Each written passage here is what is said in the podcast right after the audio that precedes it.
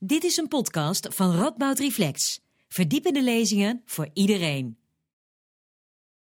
Goedenavond allemaal en welkom namens Radboud Reflex bij deze avond over Squid Game. Mijn naam is Jelle Tempels, ik ben programmamaker bij Radboud Reflex, uh, maar vanavond eigenlijk vooral jullie gespreksleider. Um, ja, Squid Game. De meest bekeken niet-Engelstalige uh, serie van Netflix op dit moment. Um, records gebroken. Uh, de, de, kranten stonden er vol mee. Um, ehm, 456 Koreaanse burgers die diep in de schulden zitten, gaan een soort survival game aan. En daar moeten ze allerlei kinderspelletjes doen. En degenen die het niet halen, gaan niet af langs de kant zitten, maar worden vrij letterlijk geëlimineerd. Nou, dat hoef ik eigenlijk al niet te vertellen, want ik ga er stiekem vanuit dat jullie de serie gezien hebben. Um, daar ben ik eigenlijk wel benieuwd naar. Wie heeft de serie gezien? Uh, steek je hand eens op. Bijna iedereen. Voor degene die niet zijn hand op, omhoog heeft, uh, warning, er zullen wat spoilers zijn vanavond. Dus, uh, dus um, dan weet je dat vast. Um, serie is heel populair. En tegelijkertijd, toen ik, toen ik hierover na aan denken was, dacht ik, ja, het is wel populair, maar waarom dan eigenlijk? Want we zagen ik weet niet, in 2000 kwam Battle Royale uit, een Japanse film wat min of meer dezelfde premisse heeft. Uh, de Hunger Games van 2012, ook mensen, jongeren die tegen elkaar strijden en elkaar moeten omleggen. Dus waarom resoneert dit nu zo? Waarom resoneert die serie op dit moment? Dus ik ben wel even benieuwd, wil heel even polsen, laat maar zeggen, gewoon even in de zaal. Um, waarom? Ik ga even naar jullie toe lopen. Wat sprak je aan aan de serie? Of misschien helemaal niet, kan ook, hè? Ja, moeilijke vraag. Het was gewoon spannend. Het was gewoon spannend. Vooral spanning. Ja. Oké. Okay. Dankjewel. Lopen we even een door omhoog. Krijg je zo mijn microfoon in je gezicht? Mij aanspraak. Ja. Ja, um, ik vond het ook spannend. Ik was ook benieuwd wie er zijn zou overblijven en wie er zouden, uh, niet zouden overleven. Ja. Dus dat denk ik. Toch vooral spanning. Ja. Oké. Okay. Ik zie u heel erg knikken, of hoofdschuddend. Ja. Zeg maar, dan herhaal ik het wel even. Nou, ik vond de onderliggende dimensie. Wat heb je eigenlijk voor elkaar over als mm -hmm. je diep in de schulden zit en het einde is zoek? En wat moet ik toch in de toekomst? Ja, dus meer... Je meer... komt in een spannende situatie, wat heb je dan over voor iemand anders? Ja, dus die diepere maatschappelijke laag, wat heb je voor over voor, voor iemand anders als je in dit soort ja. tragische situaties terechtkomt? Ja, precies. Dat is ook een beetje die maatschappijkritiek. Ja. Nou, dat is hartstikke mooi, daar gaan we het over hebben vanavond namelijk. Um, ja, er zit een hoop in. Spanning, sensatie, geweld, maatschappijkritiek. De kranten stonden er vol mee dat heel alle millennials en Generation Z zich hierin herkenden. Hoe kan dat nou? Nou, over al dat soort dingen gaan we het vanavond hebben. Dat doe ik met cultuurwetenschapper Niels Niesen van de Radboud Universiteit en sociaal psycholoog Thijs Verwijmeren. Ze geven allebei een lezing, daarna ga ik met ze in gesprek. En uh, uh, wees gerust, er is een hoop ruimte voor vragen uh, voor jullie. Um, ja, dat gezegd hebben, dan kunnen we volgens mij van start. En geef ik graag het woord aan Niels Niesen.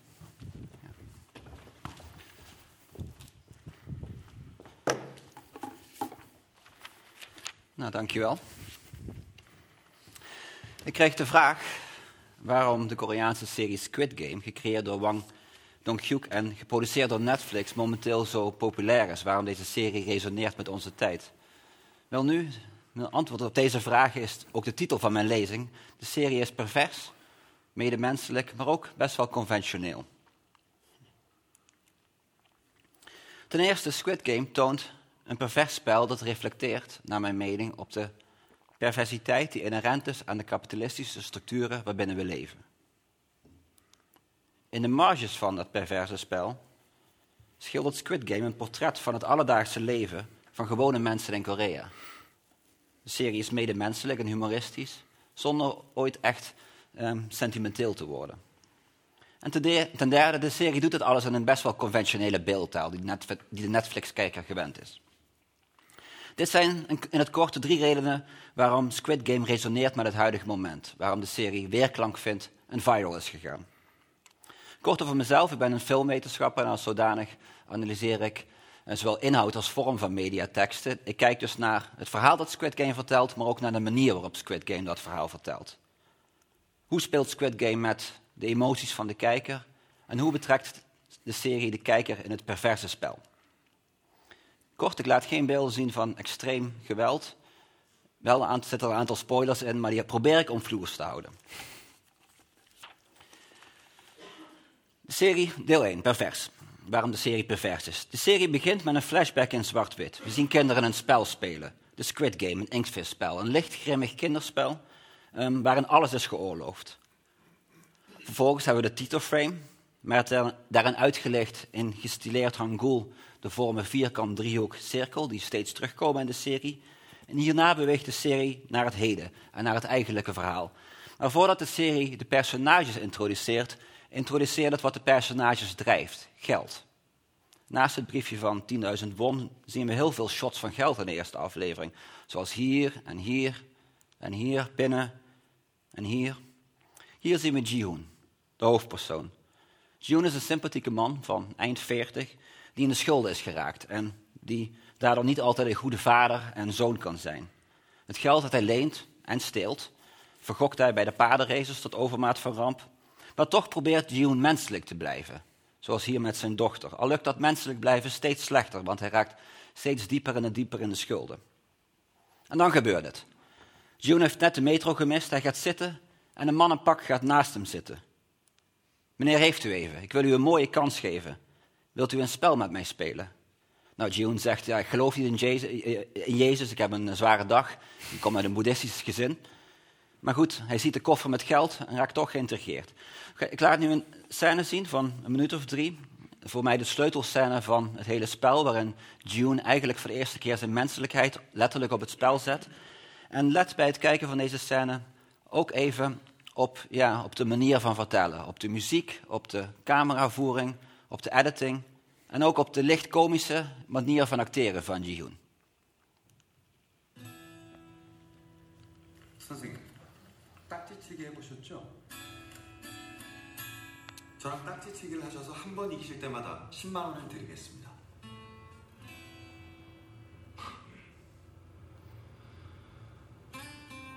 Hier die muziek. 아 그러니까 내가 당신 딱지를 쳐서 넘기면 10만 원을 준다고? 반대로 제가 이기면 저에게 10만 원을 주시면 됩니다.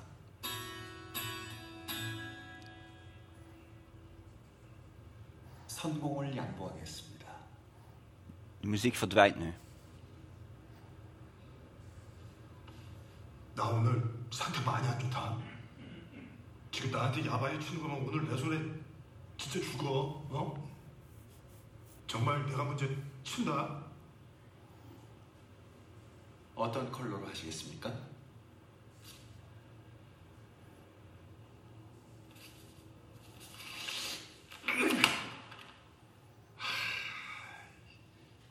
Dit shot is vanuit het perspectief van het spel zelf, lijkt het.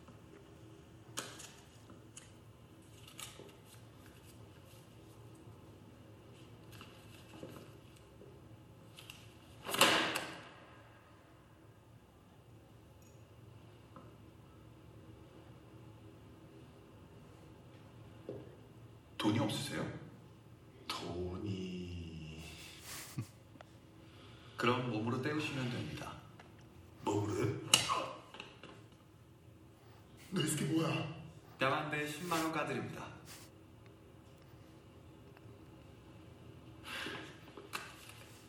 한 판 더 해. 한판 더. Publiek bij het spel. En de muziek keert terug.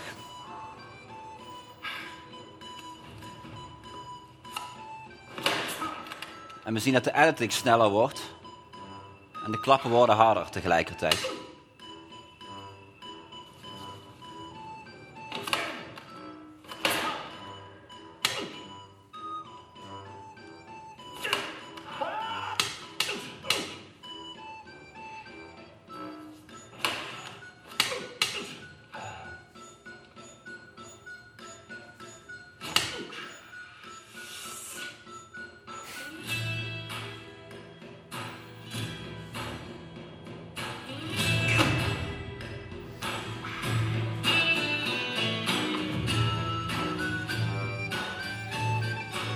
verdwijnt het geluid.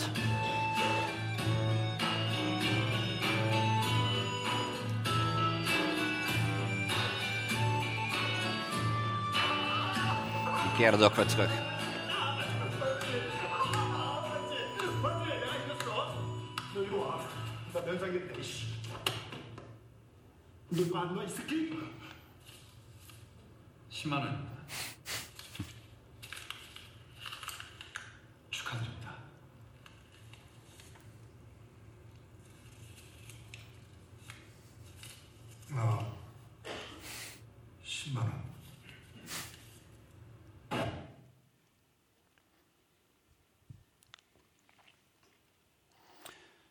Volgend op dit perverse kinderspel overhandigt de Mystery Man Jihoon een kaartje dat de toegang zal blijken tot de nog veel perversere spelletjes die we Jihoon en zijn ruim 400 medepersonages zullen zien spelen.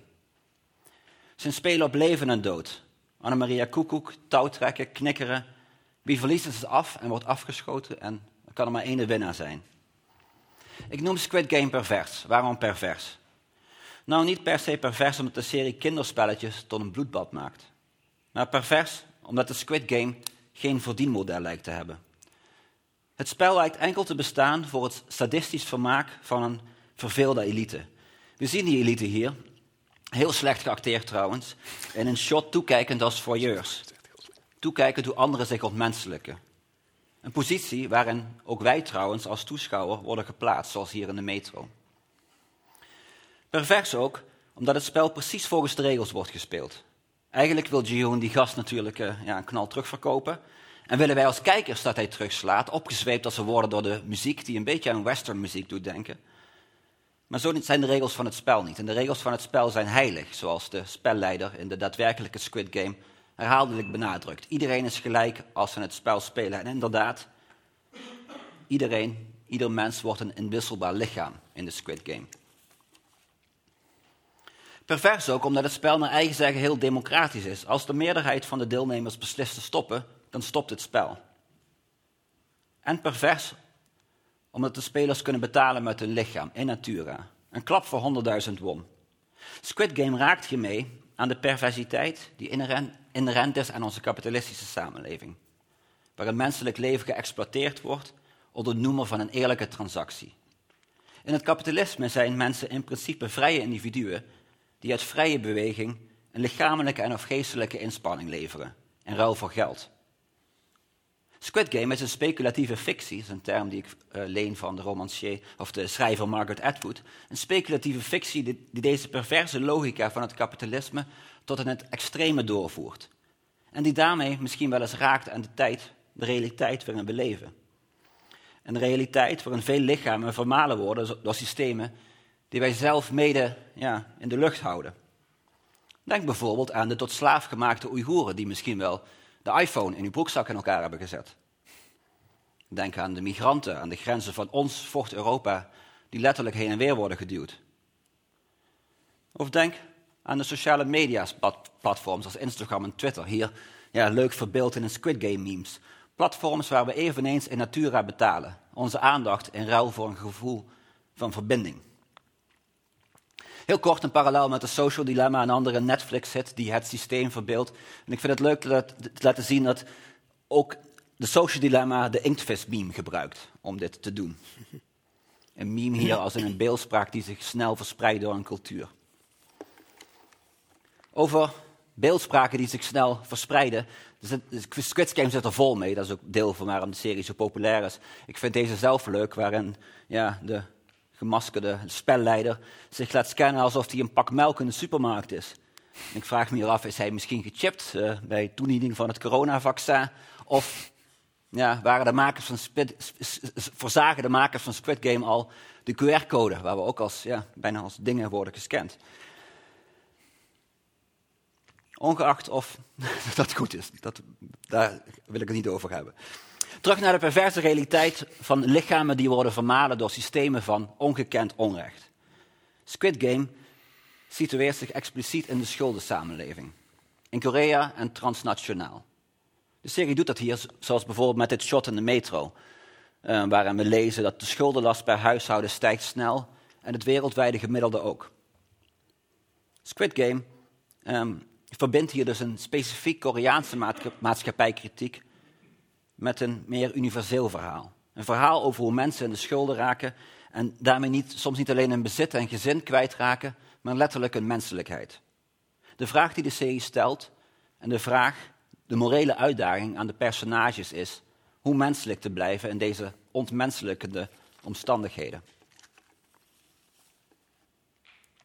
Hoe menselijk te blijven in onmenselijke omstandigheden. Ik weet niet of de serie heel originele antwoorden bevat op deze vraag. Zeker in de laatste aflevering is de serie best wel humanistisch in de manier waarop het een geloof in mensheid ja, benadrukt of bevestigt. Met name June, de hoofdpersoon, blijft menselijk ondanks alles wat hij heeft meegemaakt. Misschien herkennen we in Squid Game zelfs een licht christelijke ondertoon.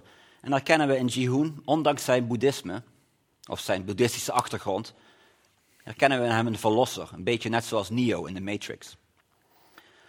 Los van die licht religieuze moraal bevat Squid Game een aantal miniaturen, zoals in de volgende korte clip. We zien een dialoog tussen Sebyok, een Noord-Koreaanse, en Ji Jong, een Zuid-Koreaanse.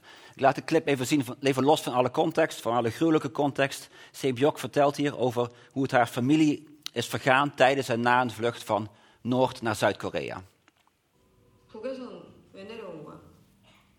여기가 나은 줄 알고 그래서 여기가 나?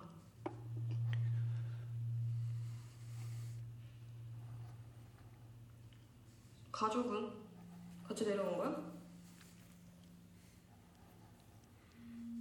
동생만 부모님은?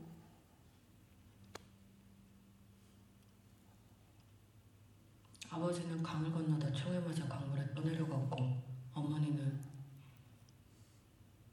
중국에서 공안들한테 잡혀서 다시 북으로 끌려갔고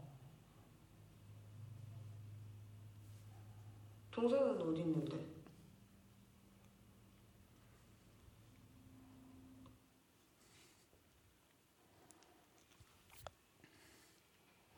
Momenten als deze in de serie zijn voor mij de ware kracht van de serie. Het zijn momenten van momenten zijn empathisch, politiek, persoonlijk. En in dit geval, in het geval van deze clip, in, serie, in uh, de zesde aflevering, moment ook heel erg geworteld natuurlijk in de gespleten realiteit van de Koreaanse natie.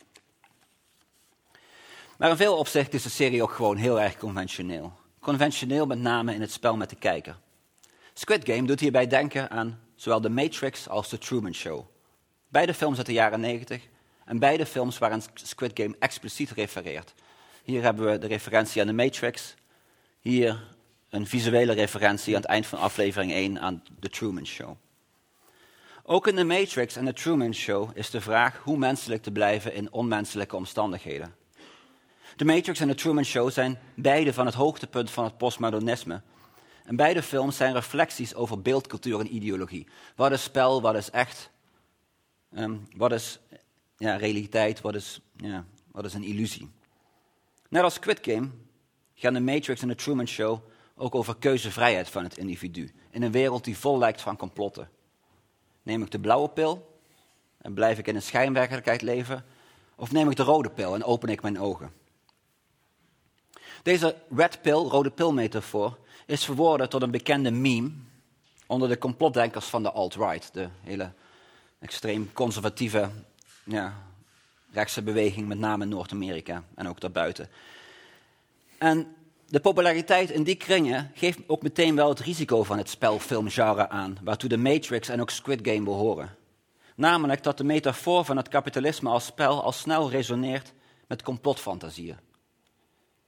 In die zin resoneert Squid Game naar, naar mijn mening misschien wel iets te veel met onze tijd. Het kapitalisme namelijk is geen spel, zo ja, ben ik het eens met cultuurfilosoof Slavoj Žižek, um, ook praten over Squid Game. Het kapitalisme is ook geen complot. Was er maar een complot. Een diepere realiteit verborgen achter de alledaagse realiteit waarin we leven. De complexe realiteit namelijk is dat het kapitalisme zich afspeelt aan de oppervlakte. In onze alledaagse productie, consumptie en ook exploitatie. Hoe dan ook. Squid Game ervent het spelfilmgenre uit voor onze tijd. Wel is Squid Game veel grimmiger en veel explicieter maatschappijkritisch dan The Matrix en ook The Truman Show. Het geweld in Squid Game ja, komt toch net iets harder aan dan in de Matrix, waarin de doden ja, net iets virtueler blijven. Over maatschappijkritiek en geweld in Squid Game zegt Korea-kenner Remco Breuker het volgende. Een, in een van de vele kritieken die, ja, of opiniestukken of ja, reportages die verschenen is over de serie. Breuker zegt, maatschappijkritiek leeft heel erg in Zuid-Korea. In die zin is Squid Game heel Koreaans. Breuker zegt ook dat de lugubere aard van de serie niet typisch Koreaans is, maar het consequent doorvoeren ervan wel. Als Koreaanse regisseurs eenmaal voor een aanpak kiezen, houdt dat de hele serie aan. Is het een gewelddadige productie, dan is het ook echt gewelddadig. Ik ben het hier grotendeels mee eens. Squid Game overschrijdt inderdaad zelfbewust de grenzen van wat de gemiddelde Netflix-kijker normaal vindt om aan te treffen op het platform. Humor en de aanvankelijk licht komische acteerstijl van Ji-hoon um, ja, dragen zijn hierbij essentieel, dragen hierbij aan bij, omdat deze de kijker uitnodigen in een verhaal dat ze misschien eigenlijk liever niet zouden zien. Tegelijkertijd versterkt humor de effect van het geweld ook. Maar toch blijft Squid Game redelijk conventioneel, zowel qua inhoud als qua vorm. De, serie spreekt een herkenbare beeldtaal en ook de soundtrack klinkt vaak bekend in de oren. Van Strauss tot Frank Sinatra. En ook ja, in de titeltrack die we eerder hoorden, ja, een, een lichte western hint misschien. Ook volgt de serie vrij bekende patronen in de manier waarop het kijkers emotioneel betrekt bij sommige personages en ook weer afscheid van, laat nemen van personages. Personages van wie we zijn gaan houden, zoals met name hier bij Sebyok en Ji-jung in de scène die ik eerder liet zien. Weliswaar worden ze in het verhaal dat de serie vertelt ontmenselijkt, maar in de manier waarop de serie hen introduceert en waar, in de manier waarop de kijker vervolgens ook weer afscheid van hen laat nemen, eh, worden deze personages bevestigd als mensen, als individuen. En bovendien kunnen we als kijker natuurlijk doorblijvend vastklampen aan Ji-hoon, de morele held van het verhaal, die menselijk blijft ondanks alles. Door de keuzes die Ji-hoon maakt, worden de belangrijkste plotlijnen toch bevredigend afgesloten en bereiken we als kijker een zogeheten closure effect, ja, afsluitingseffect. Effect waarmee we verder kunnen, naar andere Netflix-series uh, uh, bijvoorbeeld. In die zin doet de serie de kijker geen geweld aan. Zoals bijvoorbeeld uh, Pasolini's film Saloda doet, of voor wie het gezien heeft, Funny Games van Michael Haneke. Dit alles verklaart mijn inziens het succes van Squid Game. In de perversiteit van het spel dat de serie speelt met de kijker, resoneert de serie goed met de ontmenselijking en misschien ook wel de behoefte aan menselijkheid in onze tijd. Tegelijkertijd is Squid Game veilig en herkenbaar vermaak en kijkt de serie ook gewoon lekker weg. Tot slot, de rest de vraag nog waarom de serie zo populair is bij hele jeugdige kijkers. Nou, als ik wat langer de tijd zou hebben, zou ik nog een bespiegeling houden over TikTok, YouTube, Roblox, memes en ook um, Margaret Atwood's roman Oryx and Craig. Maar om een lang verhaal kort te houden, ik denk niet dat de reden is tot uh, morele paniek. Ik denk eigenlijk dat er nooit reden is tot morele paniek. Maar wel dat Squid Game een blijvende behoefte laat zien aan mediageletterdheid of mediawijsheid. Om met ja, jong van oud en alle generaties in gesprek te blijven om, ja, over de mediateksten die om onze aandacht vragen. Dank u wel.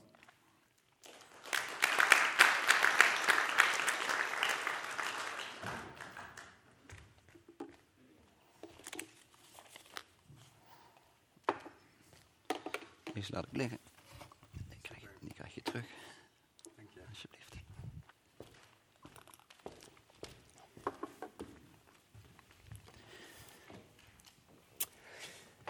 Toen ik een aantal dinsdagen geleden op de bank zat met mijn vriendin, toen uh, besloten we toch maar de hype aan te gaan.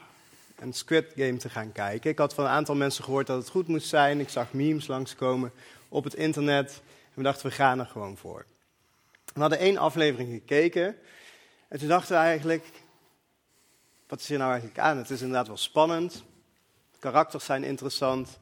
Maar om hier nou echt zo druk om te maken, ik vraag het me af, eigenlijk is het gewoon heel erg cliché. Zo'n survival game hadden we al gezien in Battle Royale of de Hunger Games. Dus wat maakt deze serie nou zo interessant? En toch zetten we de tweede aflevering uh, op en toen kwam dit moment. In de regels van het spel stond dat als een meerderheid besluit om te stoppen, dan gaat iedereen naar huis. En zo, eh, na, na, die, na de gruwelijkheden van, van het eerste spel, besloot, besloten ze de stemming aan te gaan. En daar stonden ze. 201 mensen. En zoals wij al verwachten op de bank, 100 mensen ja, 100 mensen nee. En de laatste had het voor het zeggen. De oude man die een hersentumor heeft. En mijn vriendin zei tegen mij, ja, die gaat natuurlijk, uh, nee, die gaat natuurlijk ja stemmen. Die heeft nergens om voor te leven. En anders is de serie voorbij. Nou, tot onze grote verrassing besloot hij toch nee te stemmen. Werd iedereen naar huis gestuurd, busje uitgegooid en waren ze weer terug bij af. En in die tweede aflevering zag je eigenlijk het leven van die mensen. Hoe ze het heel erg verschrikkelijk hadden, hoe ze moeilijk rond konden komen. En ook het besluit om uit eigen vrije wil hun eigen leven op het spel te zetten om uh, meer economische veiligheid, om een betere financiële toekomst te verzekeren. En dit was voor mij een, een, een, een, soort van interessant nieuw gegeven aan het spel. Er was keuzevrijheid. Mensen hebben zelf besloten om daaraan mee te doen. En dat was heel anders dan Battle Royale of dan uh, de Hunger Games, waarin een totalitair regime uh, die mensen daadwerkelijk dwong om een dodelijk spel te spelen. En dit is ook wat um, de regisseur zelf beschrijft, wat, wat er onderscheidend aan is. Dus hij zegt, it may look like it's the same genre as Battle Royale and the Hunger Games, but the actual message it's trying to convey may be different. En hij zegt hier cruciaal, 93% of the people came back willingly. En dit is ook dus misschien een spoiler, maar de organisator van het spel, die uh, wordt op het eind wordt hij beklaagd door de hoofdpersoon Ji-hoon.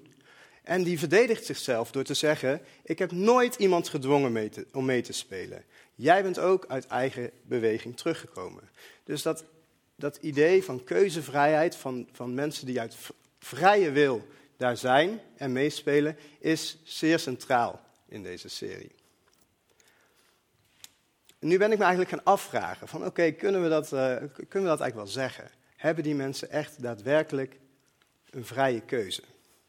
En ik ben, uh, heb toen een beroep gedaan op, uh, op een begrip dat erg belangrijk is in de medische wereld, maar ook in de sociale wetenschappen. En dat is informed consent. Uh, op de website van de Radboud Universiteit staat daarover dat informed consent implies that a researcher gives the subject a genuine choice in and control on how his or her data will be processed.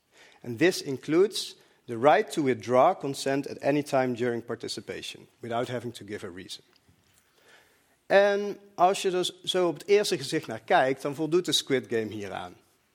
Mensen zijn daar uit eigen beweging heen gegaan, hebben zelfs gekozen om hun consent terug te trekken en dan een grote meerderheid besluit wederom om mee te doen. En die mogelijkheid om, om, om het weer stop te zetten, die bestaat nog steeds. Dus je zou kunnen zeggen, er is sprake van informed consent. Maar als je uh, iets, iets dieper gaat graven, wat betekent het nou eigenlijk om echt informed consent te hebben? Dan moet er ook voldaan zijn aan drie voorwaarden. En die drie voorwaarden die zijn voorlichting, oordeelkundig vermogen en vrijwilligheid. Nou, als we beginnen met dat eerste spel, dan is er natuurlijk helemaal geen sprake van voorlichting.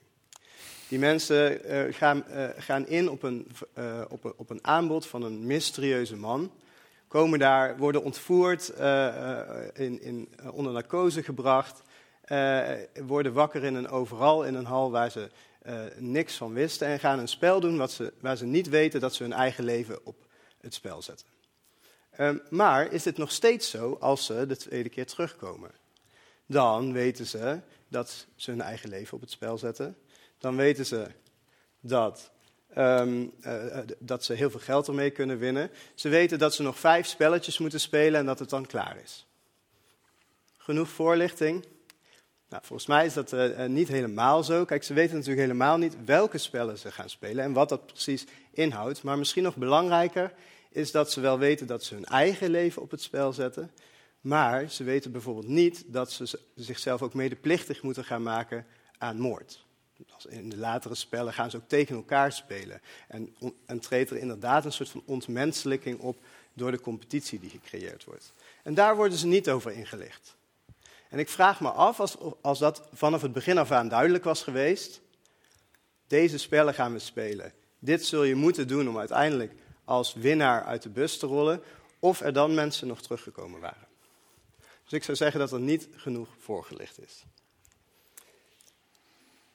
Het tweede criterium is oordeelkundig vermogen. En in de psychologie, als we bijvoorbeeld onderzoek willen doen met uh, kinderen, dan hebben we niet alleen hun consent nodig, maar ook dat van hun ouders. Omdat we als maatschappij hebben besloten dat kinderen niet voldoende oordeelkundig vermogen hebben om zelf zeggenschap te hebben over de deelname aan het onderzoek. Nou, in deze serie wordt, en de organisatoren van de, van de, van de uh, Squid Game, die uh, selecteren natuurlijk ook een bepaald, bepaalde groep. Dit zijn allemaal mensen die extreme schulden hebben, die in, uh, die in zware armoede leven en dat vaak ook al uh, uh, een hele tijd doen. En uit onderzoek is gebleken dat, dat, dat mensen die, dat, die, die, die in armoede leven, dat die eigenlijk steeds minder goed worden in beslissingen nemen. Dat die omstandigheden van zware financiële zorgen je cognitief zo belasten dat je aandacht niet meer zo goed is. Dat je werkgeheugen achteruit gaat. dat je zelfcontrole de, uh, dat je zelfcontrole niet meer zo goed is. En dat je, doordat je elke dag weer de eindjes aan elkaar moet knopen, je focus verschuift van een lange termijn focus naar echt een korte termijn focus, waarin je alleen maar ziet wat er meteen voor je is en niet meer wat de lange termijn consequenties zijn. Dus deze groep is zeer kwetsbaar voor een spel zoals de Squid Game, waar een hoop geld wordt be beloofd, waar soort van een, wat soort van een quick fix is voor al hun problemen, maar waarin eigenlijk de consequenties van het kiezen voor dat spel vergeten worden. Dus ja, wat als je dadelijk zelf sterft? Dan heeft je familie helemaal niks. Dus ik zou zeggen dat de organisatoren van het spel moedwillig hebben gekozen om deze kwetsbare groep uh, te kiezen. En dat er dus uh, niet genoeg oordeelkundig vermogen is bij deze groep om echt daadwerkelijk een informed consent, een, een geïnformeerde beslissing te kunnen maken. Goed, als derde wil ik het hebben over, uh, over, of deze keuze daadwerkelijk vrijwillig was. En vrijwilligheid kenmerkt zich door een gebrek aan dwang, een gebrek aan verleiding en een gebrek aan manipulatie. En over dwang valt hier te twisten. Ik denk eigenlijk dat de spelers inderdaad, zoals de organisator aan het eind van de serie zegt, dat er geen expliciete dwang is om deel te nemen aan het spel. Uh, er is misschien één klein, klein voorbeeldje van dwang uh, in, in, in, in deze situatie. Hè. 100 mensen hebben gekozen om wel mee te spelen, 100 mensen hebben gekozen om niet mee te spelen. En uh, de laatste persoon staat voor de keuze, wat gaat het worden? Stel dat die oude man had gekozen om wel door te spelen, dan waren er natuurlijk honderd mensen geweest die gedwongen werden om toch door te spelen. En dat is ook wat je, als, wij als psycholoog zouden zeggen van nou jullie doen mee aan een onderzoek en alleen als de meerderheid het ermee eens is stoppen we, uh, dat zou natuurlijk nooit door een ethische commissie komen. Um, om, omdat iedereen op zichzelf mag besluiten om op elk moment te stoppen. En dit zegt natuurlijk ergens ook wel iets over uh, de mate waarin wij vertrouwen op democratische systemen. Want eigenlijk in elk, elke democratische stemming is het zo dat er een bepaalde mate van dwang is die de meerderheid oplegt aan de minderheid. Maar goed, ik denk dus dat er in beperkte mate, en, en in dit geval dat er niet wordt gekozen om door te spelen, geen sprake is van expliciete dwang. Hoe zit het met de andere twee? En verleiding is er natuurlijk hartstikke aanwezig. Die bal met geld hangt daar ten alle tijde aan het plafond. Die spelers hebben uh, uh, geldproblemen, dus de verleiding is enorm om deel te nemen aan het spel.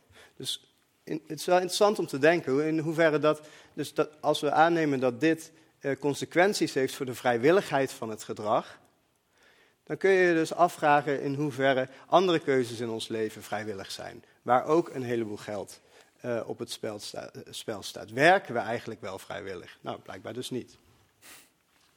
Um, als laatste wilde ik het hebben over, over uh, manipulatie. In hoeverre wordt er gemanipuleerd door die spelleiders?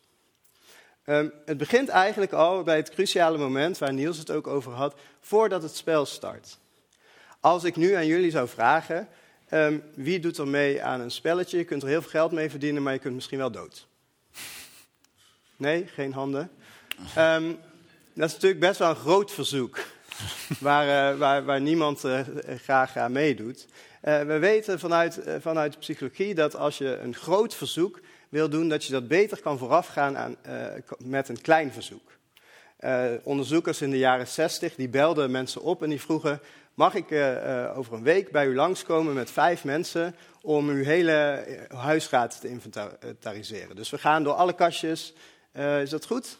Nou, de meeste mensen zeiden nee.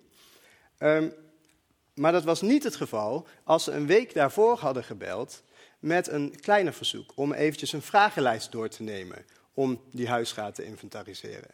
En omdat mensen dus al een klein beetje gecommitteerd waren aan dat onderzoek, omdat ze dat al toegezegd hadden en ze waren daar al een beetje mee verbonden, waren ze veel vaker geneigd om ook dat grote verzoek in te wi- willigen. En hier gebeurt dat denk ik ook. Dus doordat hij, do- doordat hij het spel heeft gespeeld al met die, eh, met die envelopjes waar hij geld kan verdienen en waar hij zijn eigen lichaam inzet als onderpand, ehm, heeft hij zichzelf al gecommitteerd aan dat he- hele idee. En die Squid Game is eigenlijk alleen maar een vergroting daarvan, zoals Niels ook al zei.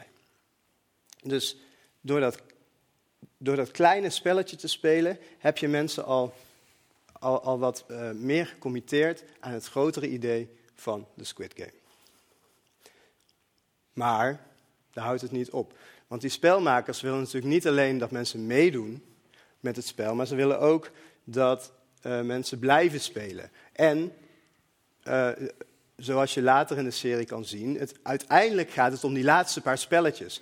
Waar de, de deelnemers echt ontmenselijk zijn en hele immorele dingen gaan doen. En eh, uiteindelijk het laatste spel, waarin de twee laatst overgebleven mensen blijven staan, is gewoon een strijd op leven en dood. En hoe kun je mensen nou drijven om zulke gruwelijke dingen te doen? En dat is waar, waar- de Squid Game heel goed heeft gekeken, denk ik, naar, eh, eh, na- na- naar het experiment van Stanley Milgram in de jaren 50.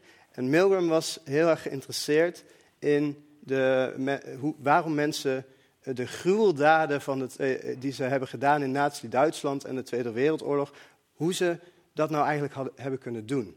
En hij kwam erachter dat dat niet kwam omdat sommige mensen nou eenmaal inherent slecht en verdorven waren, maar dat de situatie eigenlijk heel erg krachtig en leidend hierin is. Het experiment dat hij deed, ik denk dat velen van jullie het al kennen, maar ik ga het toch bespreken. Eh, daar zette hij een, eh, een deelnemer in een kamertje voor deze knoppendoos. En hij vertelde ze dat zij de docent waren. En in een andere kamer zat een, een, een leerling en die moest woordjes leren. En elke keer als die leerling een fout maakte, dan moest die docent moest een schakelaartje overhalen en dan werd er een elektrische schok gegeven. Ehm, zij hoorde via een koptelefoon dat die leerling pijn had doordat hij iets, iets uitriep of zo. En geen zorgen, er werden hier geen mensen eh, eh, echt daadwerkelijk pijn gedaan. Die leerling was een acteur. Dus die speelde dat hij pijn had. Elke keer als hij een fout maakte, moest de schok iets zwaarder worden. 40 keer. Totdat er uiteindelijk eh, de schokken zo erg waren, 200, 250 volt, die leerling schreeuwde het uit.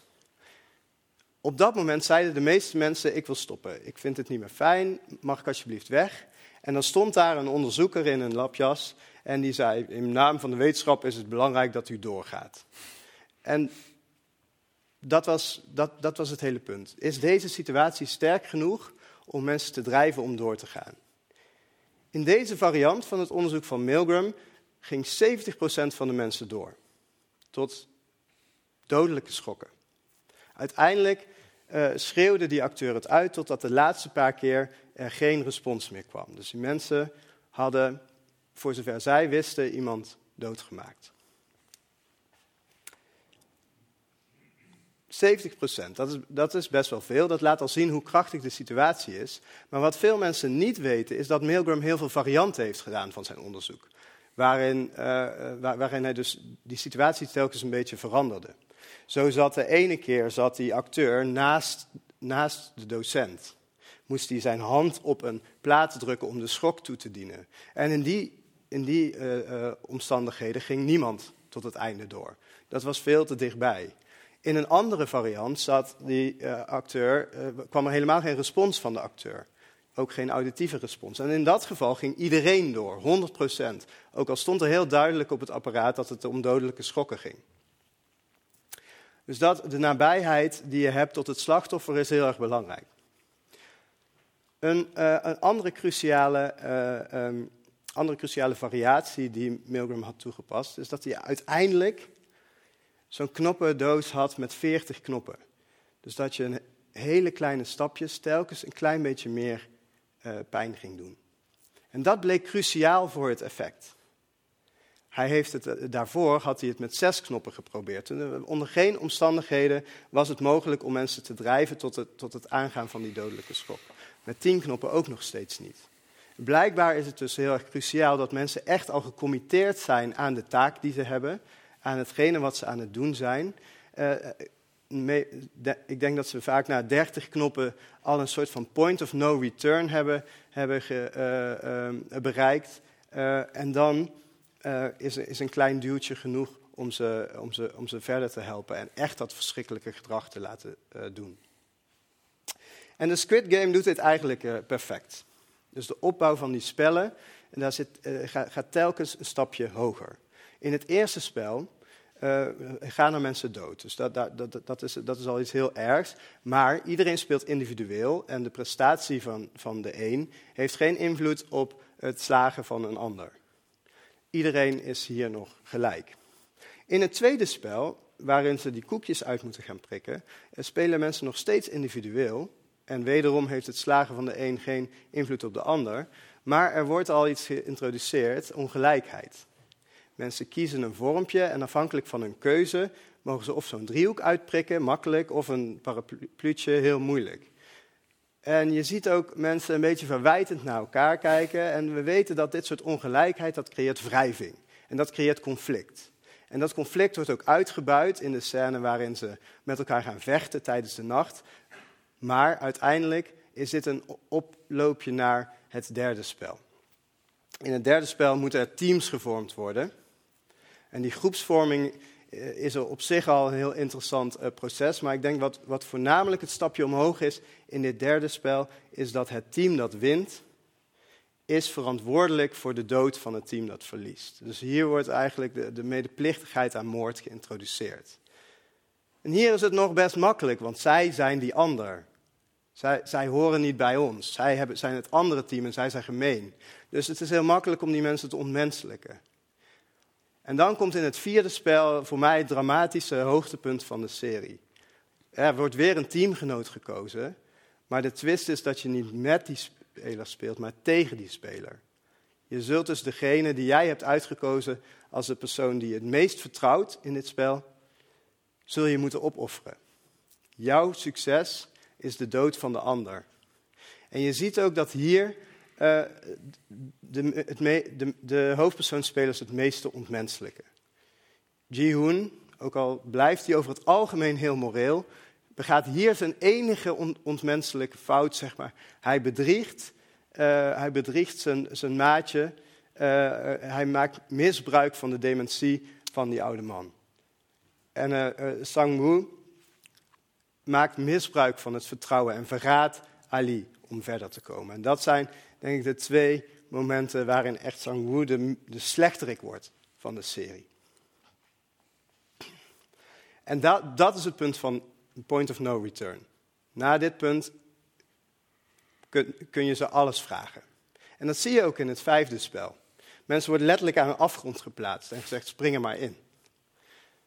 De kans dat, dat die eerste persoon het haalt is 1 op 250.000 of zoiets. De 18 tegels over. Zelfs voor de achtste persoon is er nog steeds maar een vierde kans dat hij, dat, dat hij het zou halen. De negende persoon 40 procent. Dat gaat niet zo snel omhoog. Pas de twaalfde persoon heeft een beetje een redelijke kans om de overkant te halen. Dus als hier iemand had gezegd, hey, zullen we regel 3 weer even inschakelen? Laten we met z'n allen stemmen. Dan zou toch eigenlijk de, meer dan de helft moeten zeggen, ik stop ermee. Dat zou toch de rationele keuze zijn. En toch gebeurt dat niet. Er wordt niet eens aan gedacht. Er is zelfs één persoon die expliciet noemt dat de kans om de overkant te halen fenomenaal klein is. En toch roept niemand, trekt niemand aan de noodrem. Waarom is dat? Uh, dat heeft te maken met de sunken cost fallacy.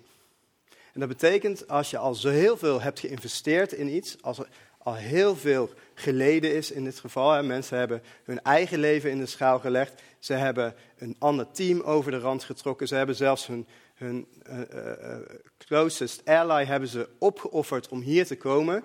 Dan ga je niet meer stoppen. Dan heb je zoveel geïnvesteerd dat er geen weg meer terug is. En dat het zonde zou zijn van al die andere mensenlevens om, om nu te stoppen met het spel. Dat argument wordt ook expliciet gemaakt. We moeten het doen voor de mensen die overleden zijn. En dat is natuurlijk heel, uh, helemaal irrationeel, want waarom zou je nog meer mensen de dood insturen? Um, het is veel logischer om te stoppen. Maar hierin is het spel dus echt uh, goed manipulatief opgezet door van, een, van, van, van minder erg naar steeds ietsjes erger, naar steeds iets minder menselijk te gaan, drijft het spel uh, die spelers om uiteindelijk tegenover elkaar te staan. En je ziet ook hoe erg Jihoon um, worstelt met zijn menselijkheid. Hij twijfelt nog of hij, uh, of, of hij um, Sang-woo in zijn slaap zal vermoorden, bijvoorbeeld. Um, goed. Dus kun je in de Squid Game spreken van vrije keuze?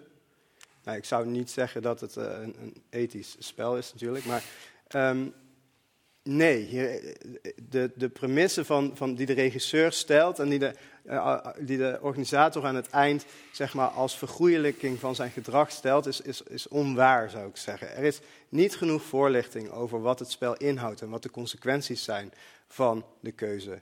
Uh, er wordt misbruik gemaakt van een zwakke groep die, die niet genoeg oordeelkundig vermogen heeft in deze situatie om deze beslissing goed te maken. Maar ook de vrijwilligheid staat op losse schroeven, doordat er sprake is van enorme verleiding en hartstikke veel manipulatie.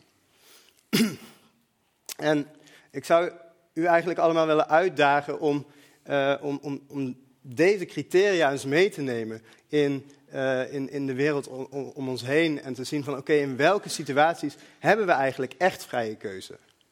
Het is niet voldoende om gewoon twee opties te geven. Om mensen de optie te geven om wel mee te doen of niet mee te doen. Nee, je moet mensen goed voorlichten. Je moet ervoor zorgen dat mensen genoeg oordeelkundig vermogen hebben. Dat ze de capaciteit hebben om de beslissing op een goede manier te maken in hun eigen interesse. En je moet ervoor zorgen dat die situatie vrij is van, uh, van dwang, maar ook van verleiding. En ook van manipulatie. En ik denk dat dat in heel weinig situaties in onze huidige samenleving het geval is. Dank u wel.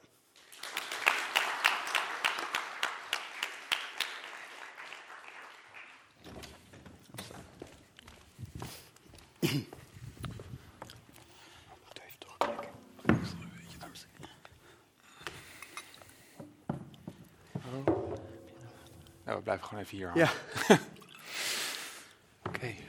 Heren, dank jullie wel. Ja, waar te beginnen bij deze serie? Dat was wel lastig. Ik denk dat jullie allebei een, hele eigen en uh, brede introductie hebben gegeven op de serie. De reeks dingen die ik kan vragen, dus een beetje te zoeken van waar te beginnen. Maar we benaderen jullie natuurlijk allebei van, hey, wil je iets vertellen over de serie? Jullie hebben allebei een analyse gegeven, maar was er nou één element, laten we zeggen, wat er voor je uitsprong, of je dacht van, ja, maar dat, dat appelleert bij mij ook. Een beetje de vraag die ik eigenlijk ook aan het publiek stelde in het begin. Wat resoneerde er?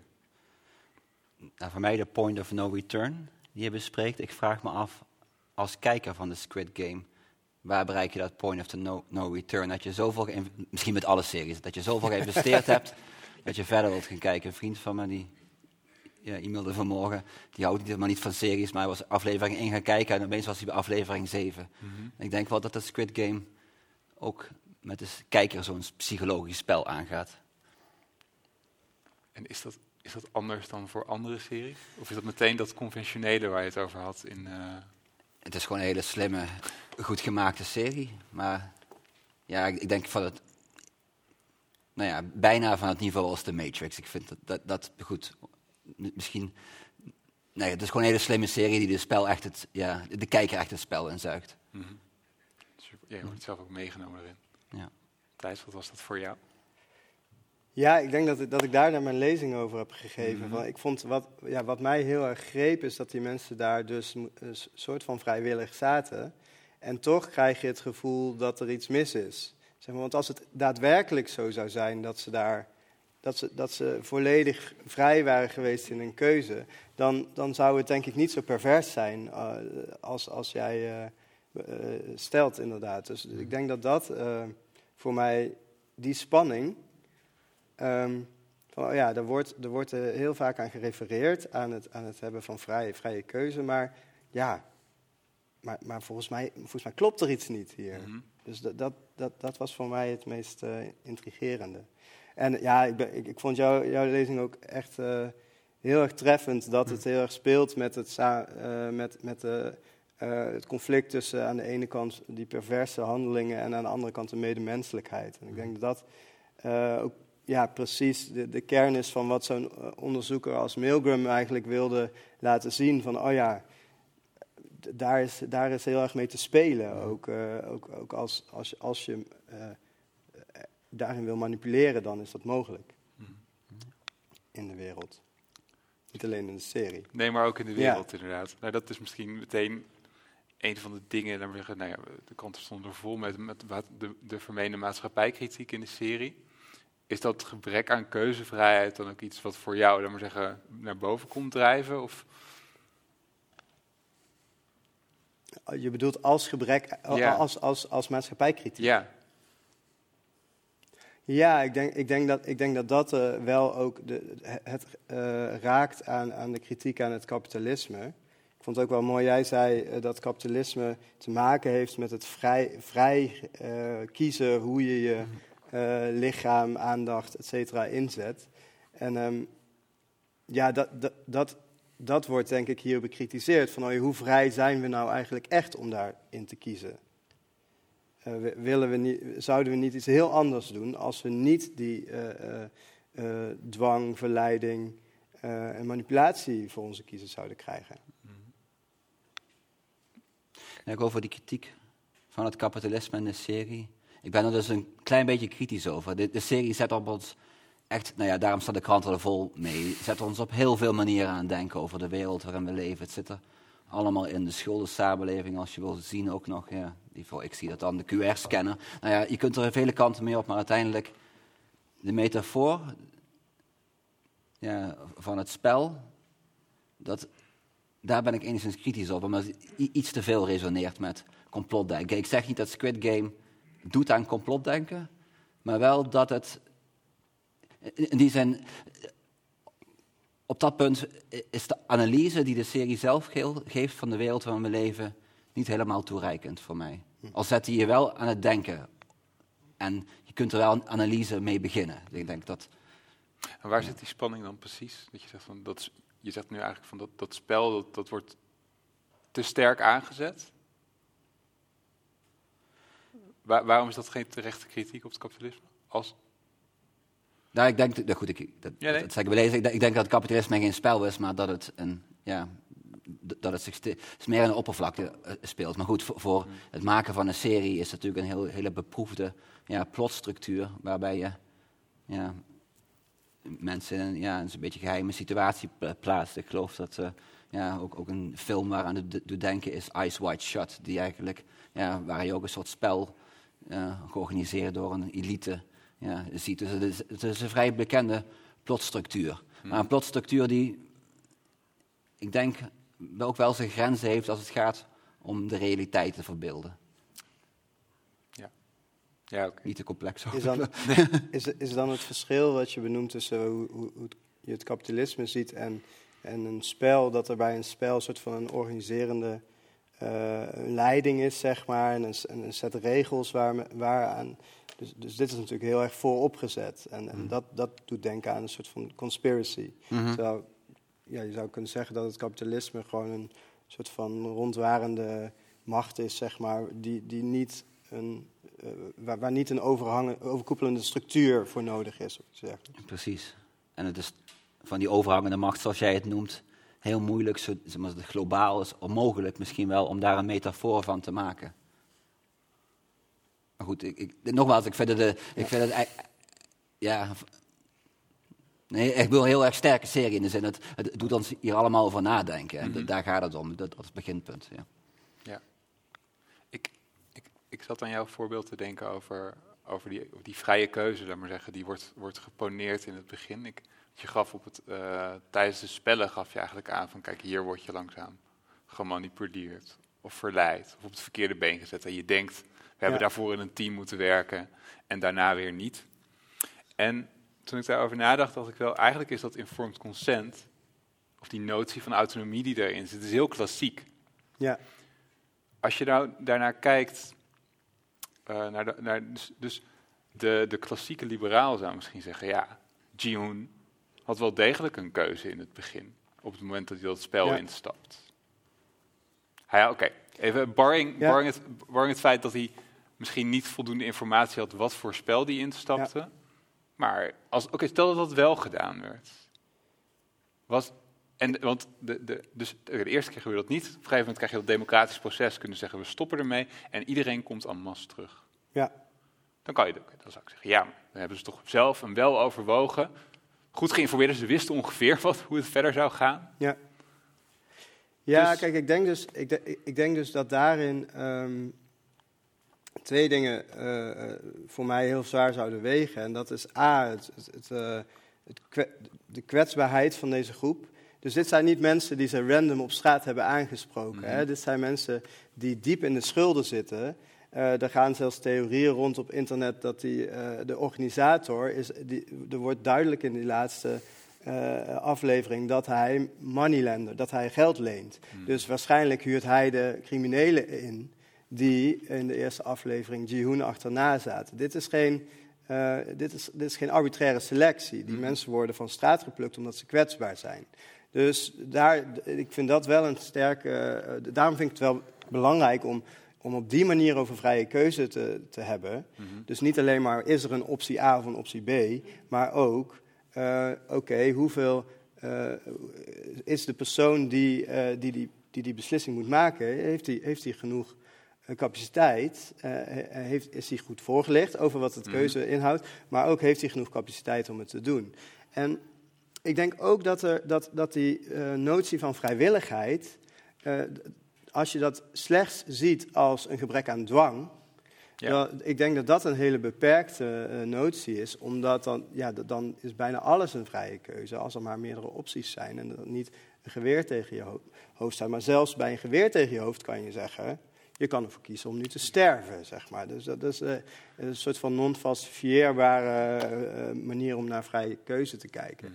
Ehm, de- en ik denk ook dat daarom dat uitbreiden door te, door, door te zeggen, oké, als er enorme verleiding wordt gepresenteerd, of als er heel veel gemanipuleerd wordt in die keuze, dan is het ook geen vrije keuze. En ik denk ook dat als je. Dat, ja, waarom, waarom staat het in de ethische code van, van sociale wetenschappen bijvoorbeeld? Omdat we daar heel erg willen waarborgen dat we geen misbruik maken van mensen. Nou ja, wat doen ze hier? Dat Mhm. weet iedereen. Misbruik maken van mensen. Ja. Dus heeft hij echt vrije keuze? Ja, ik zou zeggen, ik, ik, ik vind het mooier om daar een hogere ethische keu- eh, code aan te, aan te leggen dan alleen maar dat er één of twee opties zijn. Mag je iets aan toevoegen? Jazeker. Ja, een element waar we het eigenlijk allebei niet over gehad hebben, zijn de wachters in de serie, de soldaten. Ja, eigenlijk die, nou ja, heel veel zijn gewoon eigenlijk kantoorslaven. Die, eh, maar volgens mij, zij hebben natuurlijk wel een vrije keuze, zou je denken, om daar te werken. Daar in de serie Ja. kom je eigenlijk weinig te weten over hun leven, over hun motivatie daar te werken. Ik zou wel benieuwd zijn naar de arbeidsvoorwaarden. Het lijkt, me, lijkt me niet zo gezellig eh, als wachter. Het zijn dus die gemaskerde mannen, daar heb ik het over. Ik, ik, denk, ik, ik durf wel vrij zeker te voorspellen dat in seizoen 2, die, net aangekondigd is, dat we daar meer over die wachters te weten zullen gaan komen. Ik wil geen spoilers geven van seizoen 2, maar ik heb zo vermoeden welke kant het op gaat. Daar kunnen we over speculeren, Ja. inderdaad. Nou, ik Ja. denk dat Jihoon een van die, de, de identiteit van een van die wachters zal aannemen en zo het spel zal infiltreren. Hmm. En nu heb ik per ongeluk verraden dat Jihoon het Ja, we overleeft. hadden, we goed, over gehad. Dit, bij deze was er een. Ehm, ja, ik, het is wel interessant wat je zegt. Je zegt eigenlijk van, om terug te komen op die autonomie. ehm, dus eigenlijk zeg je, we moeten eigenlijk meer, meer meewegen in die overweging van, oké, wat, wat maakt nu dat mensen een dergelijke beslissing nemen? En dat Ja. kan voor een wetenschappelijk experiment zijn, maar dat kan ook zijn de, de, keuzes die je in het dagelijks leven maakt. Ja, Ehm nou, je zei die verleiding, dat is één ding.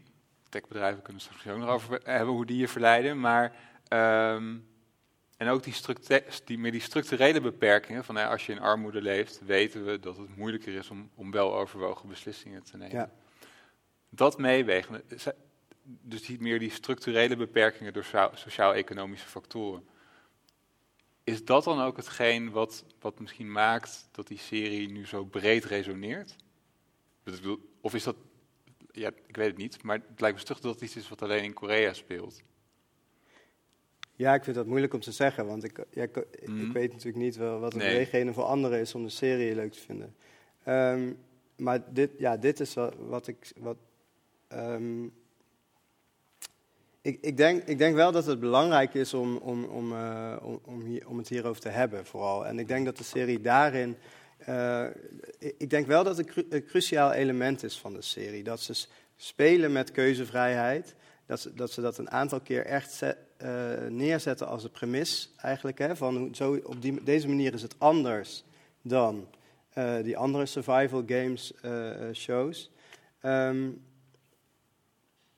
maar dat, dat, dat voor iedereen hartstikke duidelijk is dat die mensen niet de goede keuze maken door weer terug te gaan. Dat is, ja, als je het gewoon rationeel bekijkt, is het, je, weet, je weet dat je het niet gaat overleven. Zeg maar. dus, dus dat is ook, eh, ja, daar kan, kan ik nog een heel praatje over geven, op optimism bias, dat de meeste mensen zich hoger inschatten dan Mhm. gemiddeld. Ehm, maar eh, eh, ja, rationeel gezien is het, is het natuurlijk niet, is het, is het niet slim. Dus je, je kunt je afvragen in hoeverre we eh, keuzevrij, ja, keuzevrijheid alleen maar op een economische manier zeg maar, moeten zien, waarin het, het gewoon wordt gezegd als een, als een eh, goede liberaal, dat je als je maar meerdere opties hebt, dan, dan, dan ben je vrij.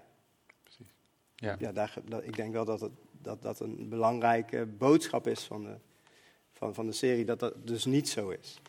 Ja. Ja. Nee, precies.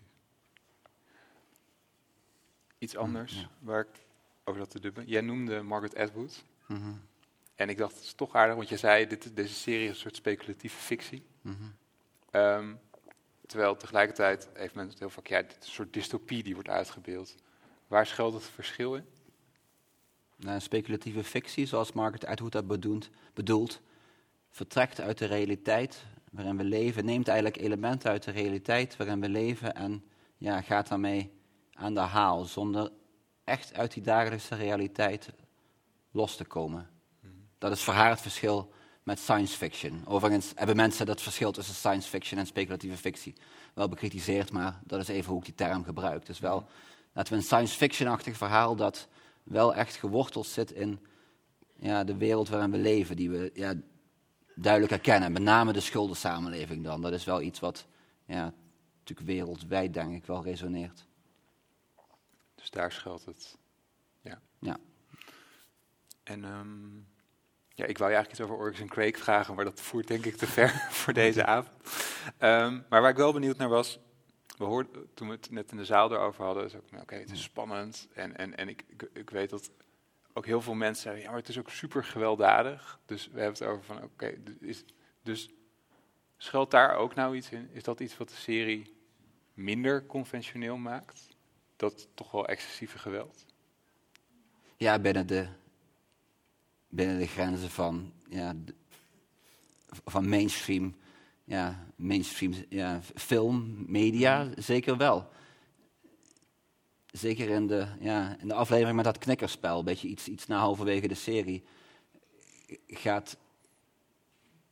Ja, ik wil, ik wil niet mezelf als referentiepunt nemen, maar goed, er, er waren momenten dat ik, dat ik even lastig vond om verder te kijken. En dat heb ik dan niet, dan dacht oh, de serie heeft er wel te pakken. En op, op dat moment had ik wel het gevoel dat dit is wel, ja, dit is wel heel knap. Dit, dit, is, dit gaat wel net een stapje verder dan, ja, dan we in, ieder geval in mainstream film gewend zijn. Mhm. En? Ja, dus in, die zin m- misschien al om de serie credits te geven, on- onttrekt hij zich op mom- momenten ook wel een beetje aan ja, die conventionele verteltechnieken, de dingen die we, ja, die we gewend zijn. Maar heeft het, want ik zit een beetje met het geweld, ik bedoel, Ja. met het geweld in mijn, in mijn maag. Ehm, want, maar is dat dan, is het werkelijk, wordt het op een andere manier gebruikt? Wat ik bedoel, als ik kijk naar eh, Parasite, om maar de Koreaanse film te noemen, die ook de hele tijd aan gerefereerd wordt, of naar een Game of Thrones, daar zit ook dat, dat excessieve geweld in. Doet, die serie, doet deze serie daar iets anders mee?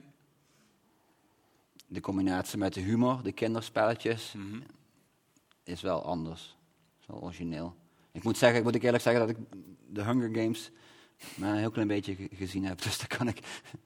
Misschien zitten er ook kinderspelletjes in, dus dat, eh, daar moet ik me even van onthouden. Maar nee, toch? Nee. Va- valt wel mee. Valt mij wel gaan mee, ze ja. dan Ja. Nou ja, vrij dat is- direct met elkaar de vuist. Ja. Nou ja, en die, de kleur in Squid Game, het is allemaal heel vrolijk, de muziek, Johan Strauss. Het is, En het is dat contrast, ook met de humor van Ji-hoon, dat contrast tussen dat excessieve geweld, dat heel vrolijk gepresenteerd wordt, en ja, dat, ja, dat dan best wel ook wel luguber gepresenteerd wordt.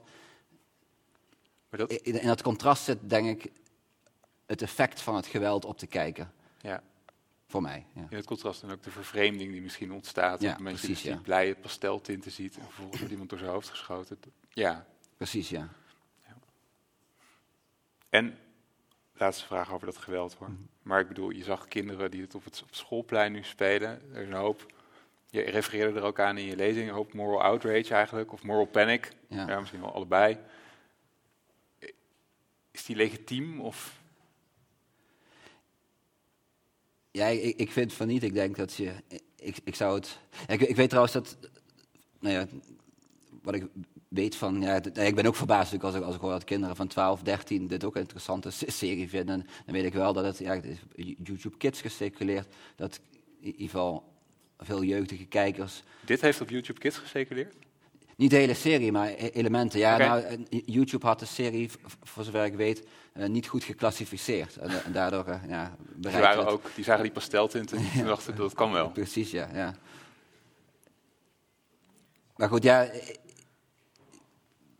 Ik denk dat de, ja, de, de realiteit eh, van de wereld waarin we leven vele malen grimmiger is. En ik, ik hoop dat Squid Game aanleiding is om het, ja, om het over die wereld te hebben. Maar met name ook het media. Ja, Mhm. Om het te hebben over de media die we kijken. Van, ja, on- onder andere dingen die circuleren op YouTube. In plaats van daar in paniek over te raken, is het denk ik leuk om met, ja, om, om met jongeren ook, ja, in, gesprek te, te blijven te gaan. Ik denk dat in, ja, in onze samenleving veel meer dan nu nodig is. Dat we, ja, wat, op, me- wat op scholen mediawijsheid heet. Mhm. ik, ik denk dat ja, een collectief bewustzijn van ja, de mediastructuren die onze wereld mede vormgeven, ja, dat er veel meer aandacht voor moet, zou moeten zijn, onder andere in het onderwijs. Op universiteiten, maar ook op middelbare scholen. Dus in die zin zou dit een aanjager kunnen zijn? Of? Een, een aanleiding, maar goed, je kunt Mm. ook met andere series. Maar ik denk dat ja, als, die, als je structuren hebt wa- waarbinnen dat, ja, dat, dat, die gesprekken plaats kunnen vinden, dan is dit inderdaad een hele leuke aanleiding natuurlijk. Omdat het, ja, het is iets waar het mensen het over hebben. En nou ja, dat, dat is, is een punt waarbij je, waar mensen zelf al aan het nadenken zijn. Nou, daar kun je dan verder op nadenken en analyseren. Ja. Ja, ik weet niet wat je... Nee, ja.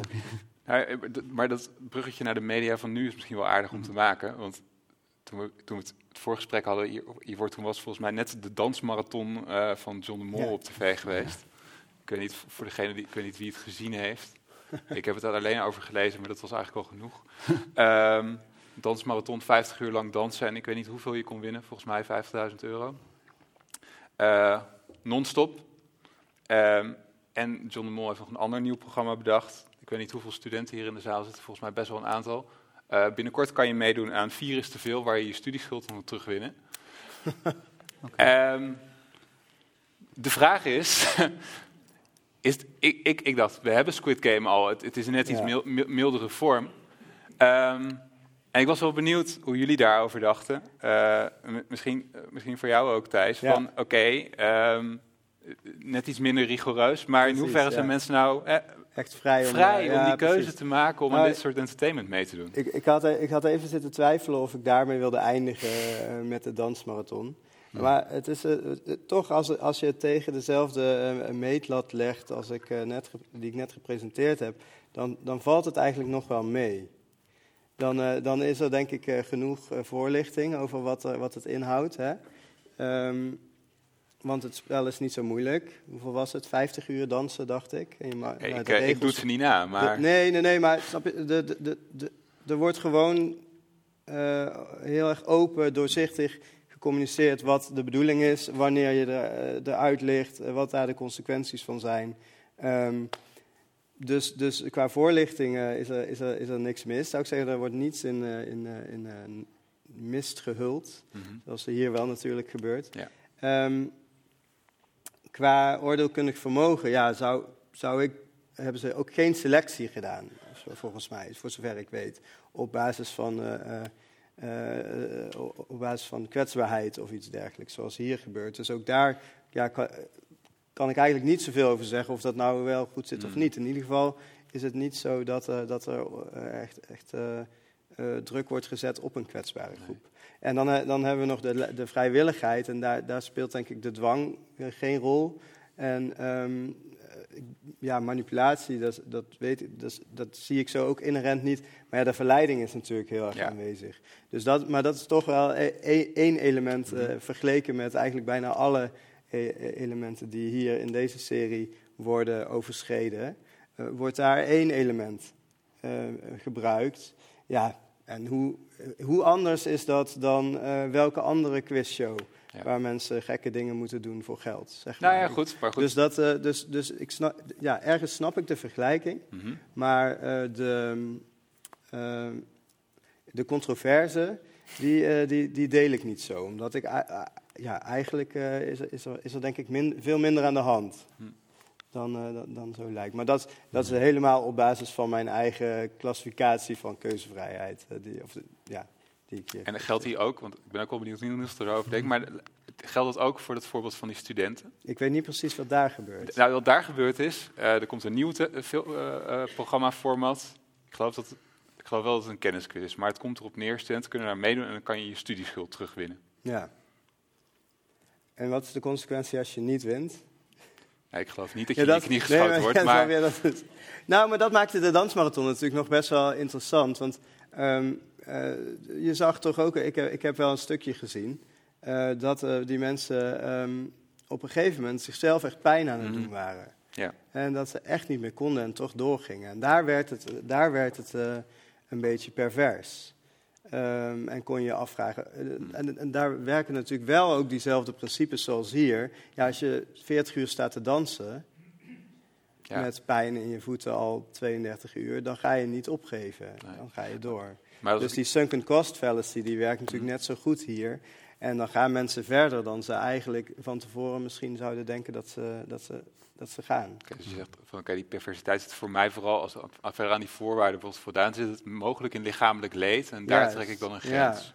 Ja, en aan een quiz meedoen en als je niet wint heb je niks. Ja, dat, zie- daar zie ik het, eh, Nee. eh, het kwaad niet zo van in. Oké. Dus het gaat natuurlijk ook om wat is de consequentie als je faalt. Precies. Ja. Oké. Niels. Ja, ik ben niet zo'n volger van het werk van John de Mol. Ja, dit klinkt wel als getuige van hele slechte smaak, maar ook wel Ja. onethisch. Die dansmarathon, ja, zoals je het beschrijft als mensen lichamelijk ongemak hebben. Nou ja, maar met name die... Ja, ik, ik- je vertelde het me nu, dus ik, ik ken die serie niet, maar als dit de premisse is dat ja, om van studieschuld, van precariteit, ja, entertainment te maken, Ja, ik zou Ja. zeggen het is smakeloos, maar het is, ik weet niet of het onethisch is.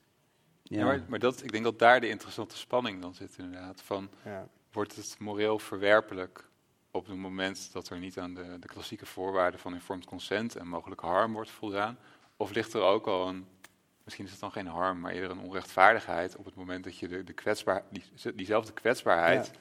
waar, waar de mensen die, waar, waar, Ja. waar Jeroen mee in het spel terechtkomt, Ja. en een heel ander soort spel hoor. Maar dat, het, het, het, het Ja, het voordeel doen van die je eigen voordeel doen met precariteit of het, het kijken naar mensen in een precaire positie, wat we en masse doen bij allerlei programma's, Hmm. hoe we dat moeten beoordelen. Nou ja, dat- wat, wat wel grappig is, is dat tele- televisiemakers hebben helemaal geen, eh, ehm, hebben niet zo'n ethische code zoals eh, so- sociale wetenschappers eh, bijvoorbeeld wel hebben. Dus ik heb wel eens meegewerkt aan een televisieprogramma en dan mag je gewoon alles. Dus eh, die, de, de klassieke experimenten zoals die van Milgram, die mogen wij nu helemaal niet meer uitvoeren. Dat wordt, komt niet door een ethische commissie. Maar als je dat als televisieprogramma zou willen doen, dan is dat prima, zeg maar. Dus dat is ook wel Ja, nou, ik, eh, ik weet eh, dat er ooit een eh, programma was, dat heette Mirror Mission. En daar werd een populair wetenschappelijk, en daar werden mensen gewoon uitgedaagd om een kooi voor de andere groep te maken. Maar dat zouden wij als, als, als wetenschappers zo'n onderzoek natuurlijk nooit op mogen zetten. Dus Nee. Dus dat, dat hele informed consent, eh, dat, dat, dat geldt heel streng voor, voor, ja, voor de universiteit. Ik heb universiteit, maar voor televisiemakers, ik weet, zou eigenlijk niet weten of die per se een ethische code hebben waar ze zich aan moeten houden. Waarschijnlijk de wet. Ja. en, ehm, eh, maar, maar misschien zou dat wel goed zijn, eigenlijk, als daar, eh, als daar eens over nagedacht zou worden. Ja. Ik eh wou maar eens naar de zaal toe gaan. Ehm, er zijn aan weerszijden van de trap eh, komt iemand met een microfoon. Ehm, mocht je nu een vraag hebben, en dat hoop ik natuurlijk, eh, steek dan even je hand op. Dan komt er een microfoon naar je toe. En ehm, stel dan een korte vraag. En het is ook echt een vraag, dus het eindigt op een vraagteken. Ik zie daar achterin een hand omhoog gaan met iemand in een streepjestrui. Ehm dus degene die nou... Oh ja, de microfoon wordt gehaald. Hij komt eraan.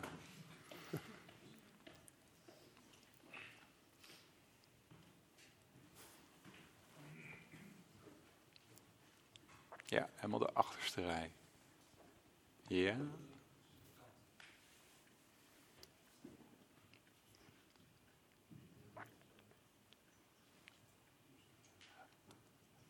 En daar is hij dan. Ja wat ik me eigenlijk afvroeg is, er worden best wel veel vragen gesteld bij de vrije wil. En wanneer het uh, geclassificeerd is als vrije wil. Maar er werd bijvoorbeeld ook een paar keer gezegd, ehm, op een bepaald moment verliezen de deelnemers hun menselijkheid. En ik vermoed dat het dan gaat omdat ze niet meer echt respect hebben voor elkaar en hun eigen leven. Maar is dat dan niet menselijk? Hmm. Aan wie stel je de vraag? Ja, wie wil beantwoorden? Wie? Ja, Ja, we zeiden het allebei, ja. Dus, eh, Ja, nou, ja. Ik, ik, ik, ik denk, dat toen, toen ik mijn prijs aan het voorbereiden was, had ik het denk ik meer over moraliteit. En, eh, en ik heb, ik heb, ik heb jou- jou- jou- jouw eh, ehm, taal een be- een beetje overgenomen me- qua menselijkheid. Maar nee, ik vond het, want ik vond het wel mooi gezegd. Dus, maar, maar voor mij betekent het in ieder geval dat ze, dat ze eh, eh, hun moraliteit verliezen. Ja, of dat. ehm, het, eh, ik denk een hele interessante vraag of dat dan minder menselijk is. Ja, ik zou zeggen dat, eh, ehm, dat, dat moraliteit ons wel in staat stelt om in een samenleving te, samenleven. En dat, dat als we dat helemaal los zouden laten, dat, dat dat niet meer mogelijk is. Dus dat in ieder geval de manier waarop we nu menselijk zijn wel afhangt van moraliteit. Ik weet niet of Ja. jij... Nou, ik- denk dat ik mensen hier als synoniem gebruik voor individuen. Mensen worden ontmenselijk, mensen worden gede-individualiseerd. Dus in de, de spelletjes die we gespeeld zien worden, worden mensen wel inwisselbaar. Ze worden, ja, daarmee wi- wil ik zeggen, dingen. En ja, dus ik- op, op die manier gebruik ik het woord on. Dat mensen gede-individualiseerd worden en eigenlijk ja, ja, nummers worden, letterlijk. In de serie worden de spelers met nummers aangeduid. Dus dat is hoe ik het ja, concept mens hier ja, gebruikt heb.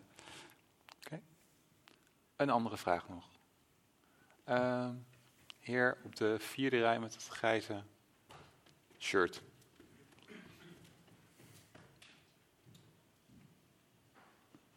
En de, de, de serie gebruikt heel veel beet- beeldelementen. De kleuren, rood, wit, de wachters. Een van de meest essentiële i- zijn de drie tekens, de driehoek, het vierkant en de cirkel, die uit de boeddhistische cultuur komen. Iedere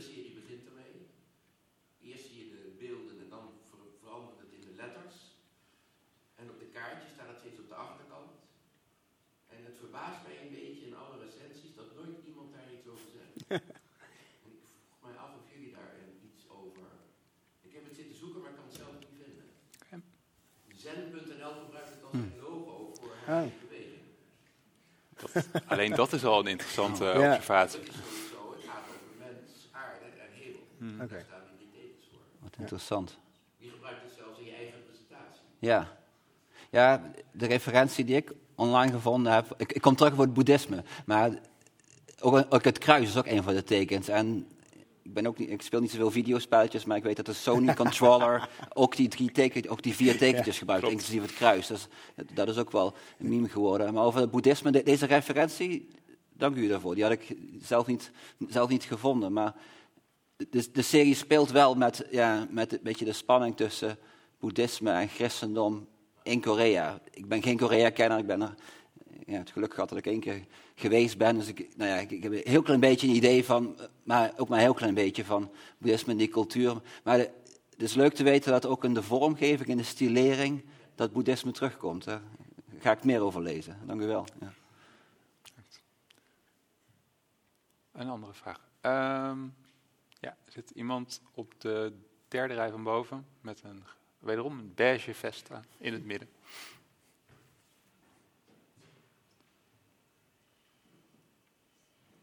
Ja, mijn vraag is een beetje, ehm, ik heb natuurlijk de serie gezien en hier geluisterd en eh, wat voor mij steeds terugkomt in beeld en ook in um, Gozukai, waar we het over hadden, is ehm, de holocaust.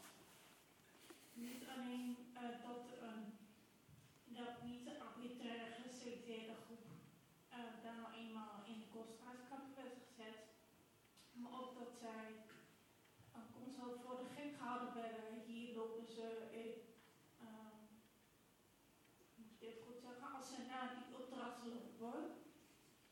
dan lopen ze in die gestileerde ruimte alle Escher. En ik heb zoiets van, is er niet heel veel overeenkomst met de holocaust? Zowel in beeldenis als in eh, psychologisch leven.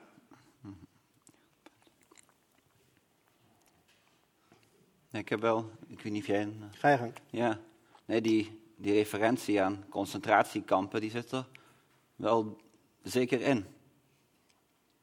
Ik moest zelf ook denken, daarom had ik in mijn praatje ook die referentie aan de Oeigoeren. Ik moest ook wel denken aan ja, concentratiekampen in China, waarin ja, Oeigoeren opgesloten worden. En dus ik denk dat, dat de serie daar heel doelbewust ook die ja, concentratiekampachtige setting contrasteert met die vrolijke, kleurrijke, Escher-achtige ruimte. Ik weet niet of dat, ik weet niet of dat je vraag beantwoordt trouwens, maar dat, dat- ja. Hmm. Ja, en ook die ontmenselijking van mensen in, ja, in de serie en in, concentra- in concentratiekampen. Ja, dat is een beetje een lugubere vergelijking, maar die, dat is een vergelijking die de serie inderdaad, ja, die de serie inderdaad maakt, zou ik willen zeggen.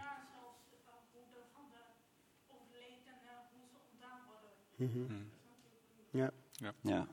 En daar zit ook nog een soort ja, orgaanhandel-element in. Daar hebben we het nog niet over gehad. Maar, ja, het, We hadden er een reeks van kunnen maken, denk ik eigenlijk. Ja. Oké. Eh, andere vraag. Eh, jongeman achterin met het overhemd.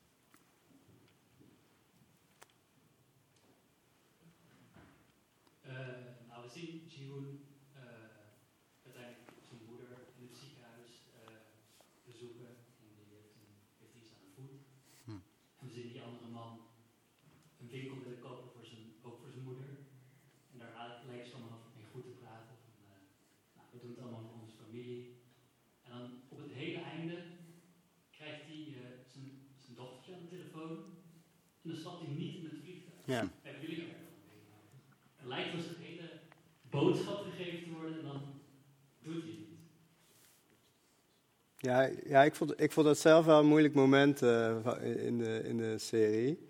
Eh, om, ja, precies om wat je zegt. Van, oh ja, daar wordt de hele tijd wordt, eh, het doel vooropgesteld van, eh, eh, van familie. En nou ja, ook, ook daar, daar komt een heel mooi voorbeeld van oordeelkundig vermogen van Jihoon ook na- naar voren. Als hij dan dat, eh, ehm, eh, ja, hij gaat dat spel spelen. Nou ja, aan het eind komt hij erachter dat hij het voor niks heeft gespeeld eigenlijk. Dus eh, hij heeft dat niet echt goed doordacht.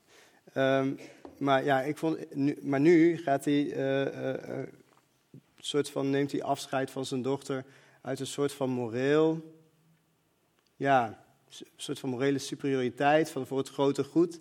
Ik, ik vond het zelf ook een, moeilijk te verantwoorden keus. Maar ja, ja, dus ik had eigenlijk meer het idee van, oh ja, dan moet een seizoen 2 komen. Ja. Dat was Ja. volgens mij niet zo heel erg in character van eh June. Ja, op dat moment is een goede observatie ook daar. Ja, het is uiteraard voor een sequel. Maar June verandert daarbij op dat moment misschien wel van personage. Van iemand die toch wel uiteindelijk wel familiegedreven is. Naar een, ja, een beetje waarheidsvinder. Iemand die het complot gaat ontrafelen. Dat, eh, nou ja, Ja, dat de we- held. ja. Precies, ja. En Hij is daarom, een beetje anti-held natuurlijk. ja. En hij wordt nu een soort detective, denk ik, undercover. En een beetje net zoals Neo in The Matrix. In ieder geval die vergelijking maak ik. Ja. Dus- Ik vond het wel, en dat, ik, ik, ik deel je observatie wel.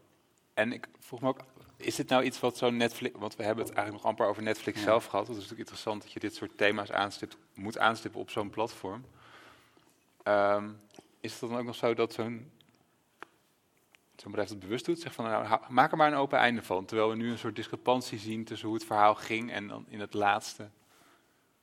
In de laatste Ja, ik, weet, minuut ik denk wel dat dat komt zo er een werkt. twist. Ja, het gaat toch allemaal om het geld. Ik weet dat er twee eindes waren. Eentje waar hij op het vliegtuig stapt en eentje waar hij niet op het vliegtuig stapt. En ik weet niet welke rol Netflix erin gehad heeft. Om, van, van- wat ik gelezen heb, niet. Is het wel, Hmm. nou ja, ook omdat Netflix had natuurlijk geen idee wat voor, ja, hoe populair deze serie zou worden bij, ja, bij het uitkomen. Dus een serie op een relatief ja, klein budget Hmm. voor een Netflix-serie. Dus ik- dit is wel eh, de, ma- de keuze van de makers geweest, voor zover ik weet. Maar er was een alternatief einde. Oké. Ja. Er is nog ruimte voor één laatste vraag. Hier vooraan. Steek je hand nog maar even hoog dan.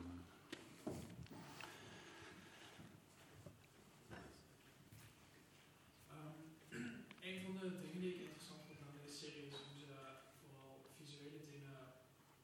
eh, er zijn heel veel details in die serie. En je kan echt wel van aflevering 1 ehm, verhaalelementen eruit halen die in aflevering 8 gebeuren. Bijvoorbeeld. En je ziet ook op YouTube echt tientallen van die video's waar ze elk detail eruit halen. Van oh, dit zegt dat en dit zegt dit. Ehm, bijvoorbeeld dat er op de achtergrond al alle zes, Mhm. eh, alle zes spellen al worden foreshadowed, zeg maar. Uh, en ik was benieuwd hoe je dit eigenlijk kan, kan linken met het hele thema van maatschappijkritiek. Best een brede vraag. Ja. ik heb zo niet... eh, Nou, het past heel erg bij het, bij het genre van de. Ja, de, het heet de, puzzel, de puzzelfilm of de gamefilm. Nee, ik noem het een spelfilm. Een beetje, een beetje, omdat het klinkt als speelfilm. Maar een spelfilm waarin de kijker echt deel wordt van de plot, als het ware. Waarin je echt mee gaat zoeken met de, de hoofdpersoon. Er zijn andere.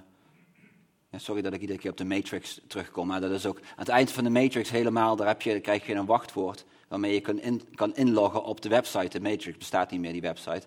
Maar daarmee word je letterlijk deel van, een be- een beetje deel van die, ja, de, de, fictie die de, die, die de serie creëert. Hoe dat, ja, hoe dat samenhangt met de kritiek op de werkelijkheid, dat, dat weet ik even niet.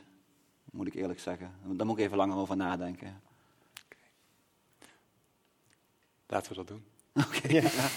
Ehm, er komt een vervolg op de Matrix in december, weet ik toevallig. Dus Ja. dan Ja. kunnen, we, kunnen we er hernieuwd over nadenken. Ehm, ik heb nog twee, we gaan afronden. Ehm, ik heb nog twee huishoudelijke mededelingen. De eerste is van Lux. Eh, zoals jullie weten, eh, eh, normaal gesproken ga je nog even een drankje drinken, misschien boven. Dat kan helaas niet. Dus namens Lux wil ik je graag verzoeken om, om hierna gewoon direct naar buiten toe te gaan. Hoe jammer ook. Ehm, verder eh, is Radboud Reflex er donderdag weer. Eh, Niels refereerde daar impliciet al aan, aan de speelbal die migranten vormen aan de grenzen van Europa.